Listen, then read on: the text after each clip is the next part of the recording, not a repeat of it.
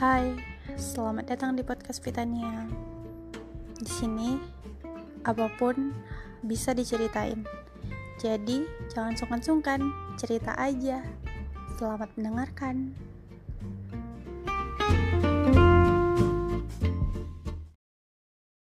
Kemungkinan yang paling mungkin.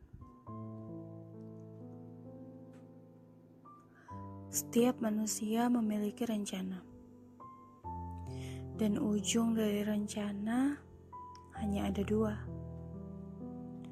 yaitu berhasil dan gagal. Pertama, berhasil. Saat rencana kita berhasil, kita akan merasa semua lelah terbayarkan. Gimana nggak terbayar? Usaha dan perjuangan kita seakan terletak pada tempatnya. Kita akan ngerasa kalau semua usaha kita yang membawa kita pada fase ini. Kalau ngomongin berhasil, pembahasannya paling cuma sekitar bahagia, senang, gembira. Oh ya, ucapan selamat pujian sana-sini, dibanggain sana-sini, dan ditanya apa tipsnya. Seru ya jadi orang berhasil? Tapi gak semua orang ngerasain itu. Seringnya, kebanyakan dari kita berada di fase kedua, yaitu gagal. Saat rencana kita gagal, kita akan ngerasa waktu berhenti berputar. Hari-hari akan terasa berat sebab beban kata gagal. Gagal membuat kita kurang dimanusiakan. Sampai akhirnya kita ngerasa semua usaha kita sia-sia. Tuhan gak sayang kali ya sama kita semesta itu nggak adil. Kita jadi ngebandingin usaha kita sama orang lain. Dan yang lebih parahnya, kita berpikir kalau harusnya kita yang berhasil. Tidak sedikit dari kita yang gagal dalam hidup. Sebab kemungkinan yang paling mungkin dalam hidup ya gagal sebagai manusia yang gak sempurna, seharusnya gagal itu wajar. Setiap orang pernah gagal, bahkan setiap orang pasti gagal.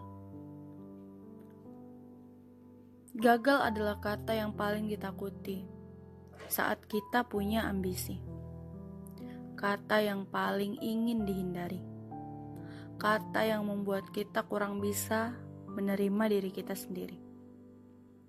Padahal sebenarnya gagal itu wajar. Wajar sekali. Untuk sekali mencoba, dua kali mencoba, tiga kali mencoba, bahkan berpuluh-puluh kali mencoba sesuatu yang baru, atau mungkin di luar kemampuan kita. Gagal adalah kemungkinan terbesar dari persentase yang kita punya. Tapi seringnya, gagal seakan menjadi monster yang paling besar bagi manusia. Gagal seakan membuat diri seperti tidak ada gunanya. Bahkan gagal kadang membuat kita merasa menjadi manusia paling buruk. Akhirnya, gagal berhasil membuat kita jatuh dan terpuruk.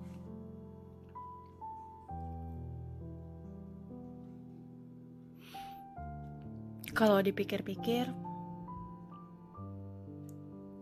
gagal gak akan merubah kita sebagai manusia menjadi bukan manusia. Bingung ya? Singkatnya, sebenarnya kegagalan itu gak apa-apa. Sebab gagal gak akan membuat kita kehilangan marwah sebagai manusia. Walaupun kita gagal, kita tetap manusia kok.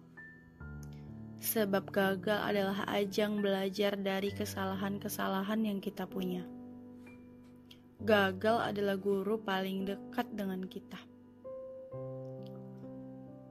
Saya nggak tahu Anda tipe orang yang seperti apa.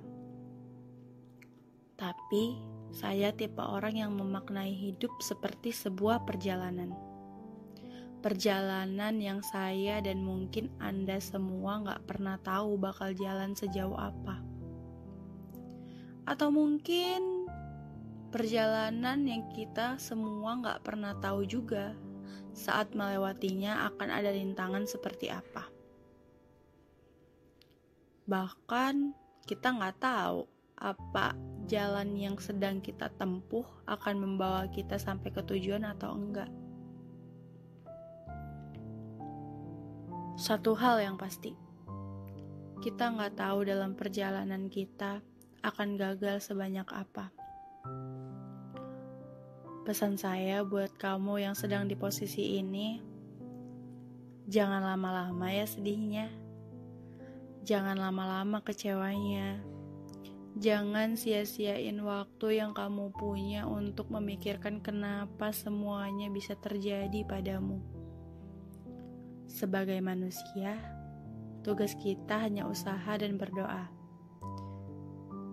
Sebab kita punya rencana, tapi tetap Tuhan yang punya kuasa. Dariku, manusia yang sering gagal.